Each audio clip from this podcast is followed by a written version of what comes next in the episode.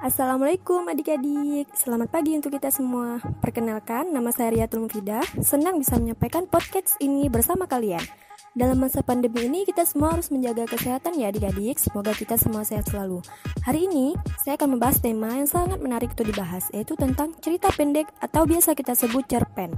Kita semua tentunya sudah pernah mendengar pastinya tentang cerpen kan, tapi di sini saya ingin menyampaikan lebih detail dan menjelaskan juga unsur-unsur cerpen itu sendiri. Baiklah, pertama-tama kita membahas tentang pengertian cerpen terlebih dahulu. Cerita pendek atau yang lebih sering dikenal sebagai cerpen adalah salah satu materi penting dalam pelajaran bahasa Indonesia. Pembelajaran mengenai cerpen ini disampaikan agar para pelajar Indonesia dapat memahami sebuah teks cerpen secara utuh. Utuh artinya tidak hanya sekedar dapat membaca atau menulis sebuah cerpen yang ala kadarnya, lebih dari itu, Para pelajar dituntut untuk dapat memahami pengertian dari cerpen, ciri-ciri cerpen, struktur cerpen, dan aspek kebahasan dalam cerpen tersebut, dan masih banyak lagi pengertian lainnya. Baiklah, yang pertama saya akan membahas tentang pengertian cerpen.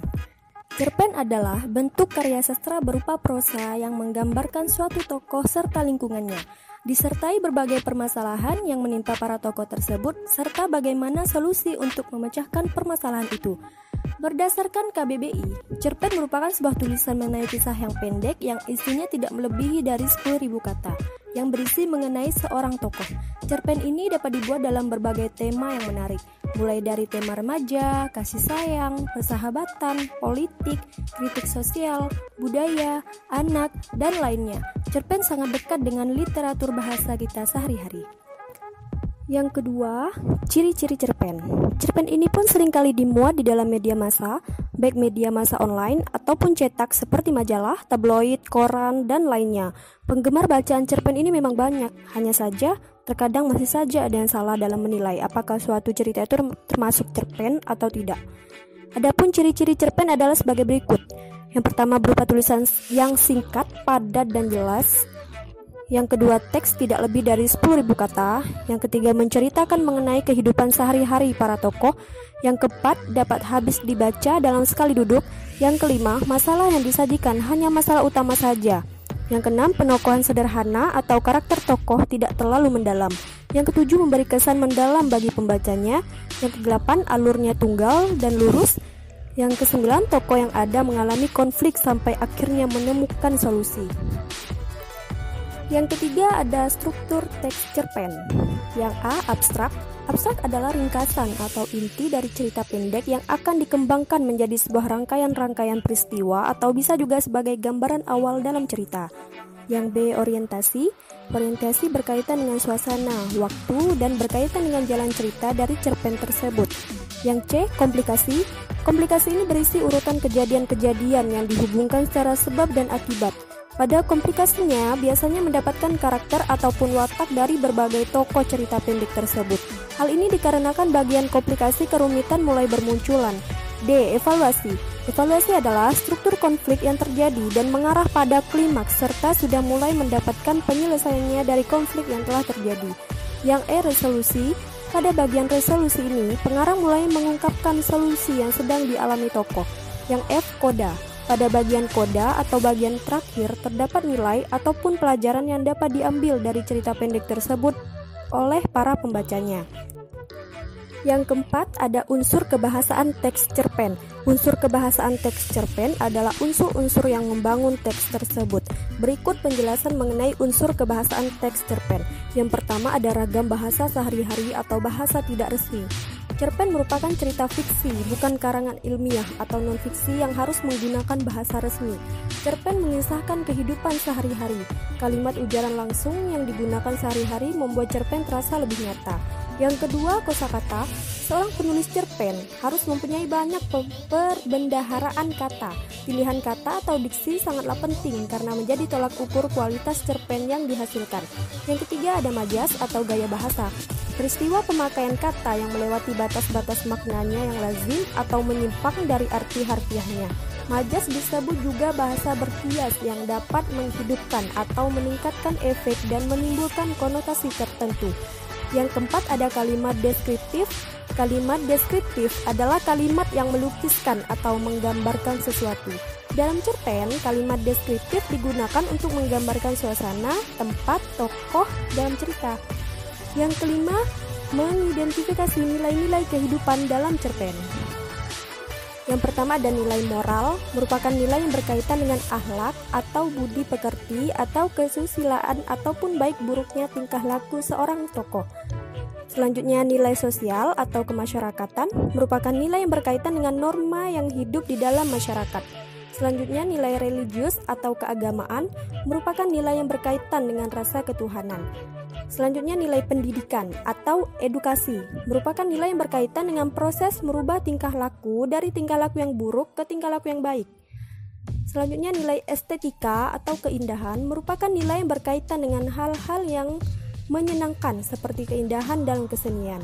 Selanjutnya, nilai etika merupakan nilai yang berkaitan dengan sopan santun dalam kehidupan bermasyarakat. Selanjutnya, nilai politis merupakan nilai yang berkaitan dengan ketatanegaraan maupun kebijakan dalam menjalankan pemerintahan.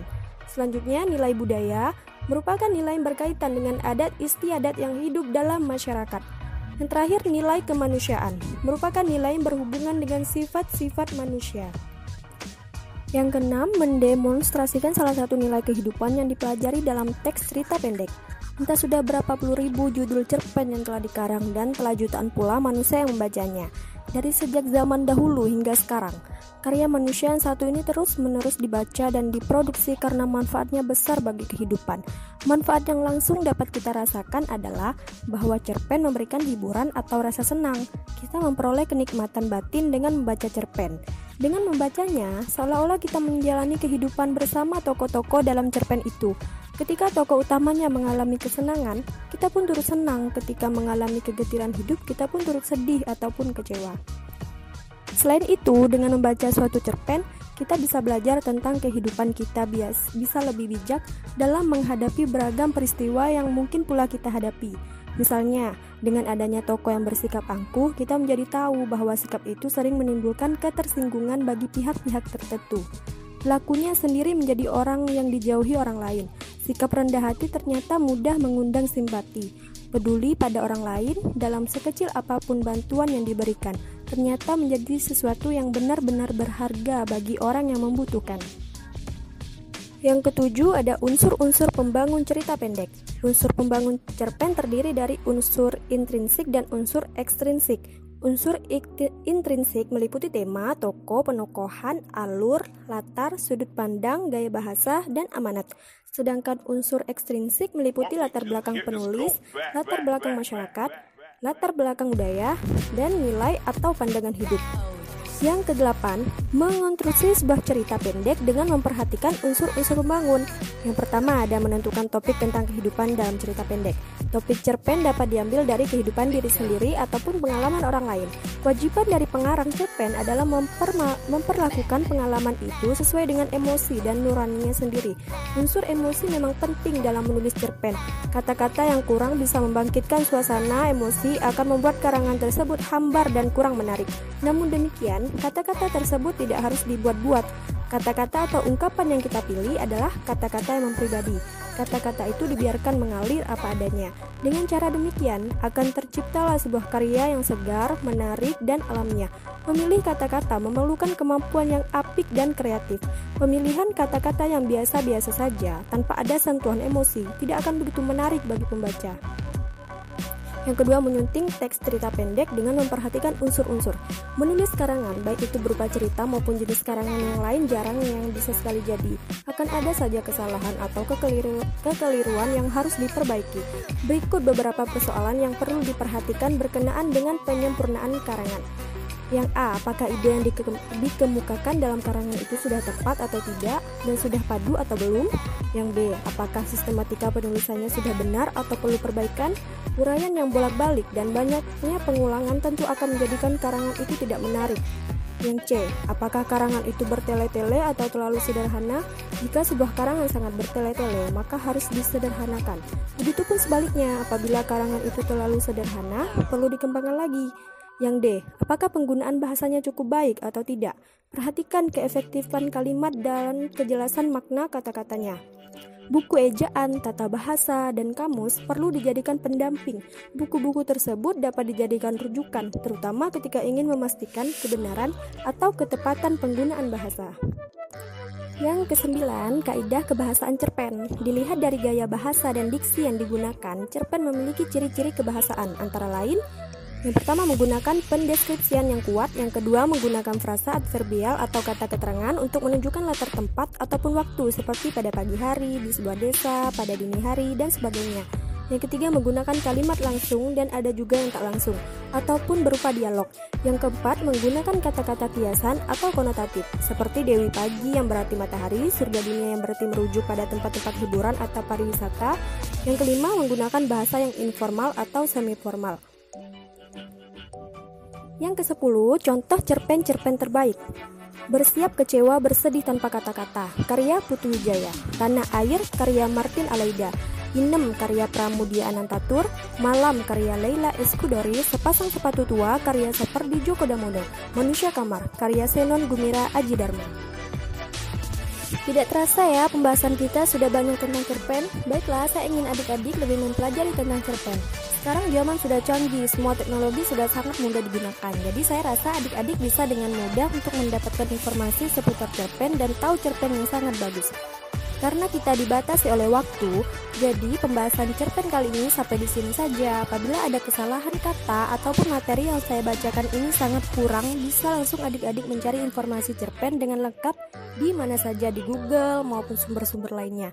Saya akhiri podcast kali ini dan saya ucapkan terima kasih untuk adik-adik yang sudah sedia mendengarkan materi cerpen yang saya sampaikan ini. Sampai jumpa kembali di lain waktu. Assalamualaikum warahmatullahi wabarakatuh.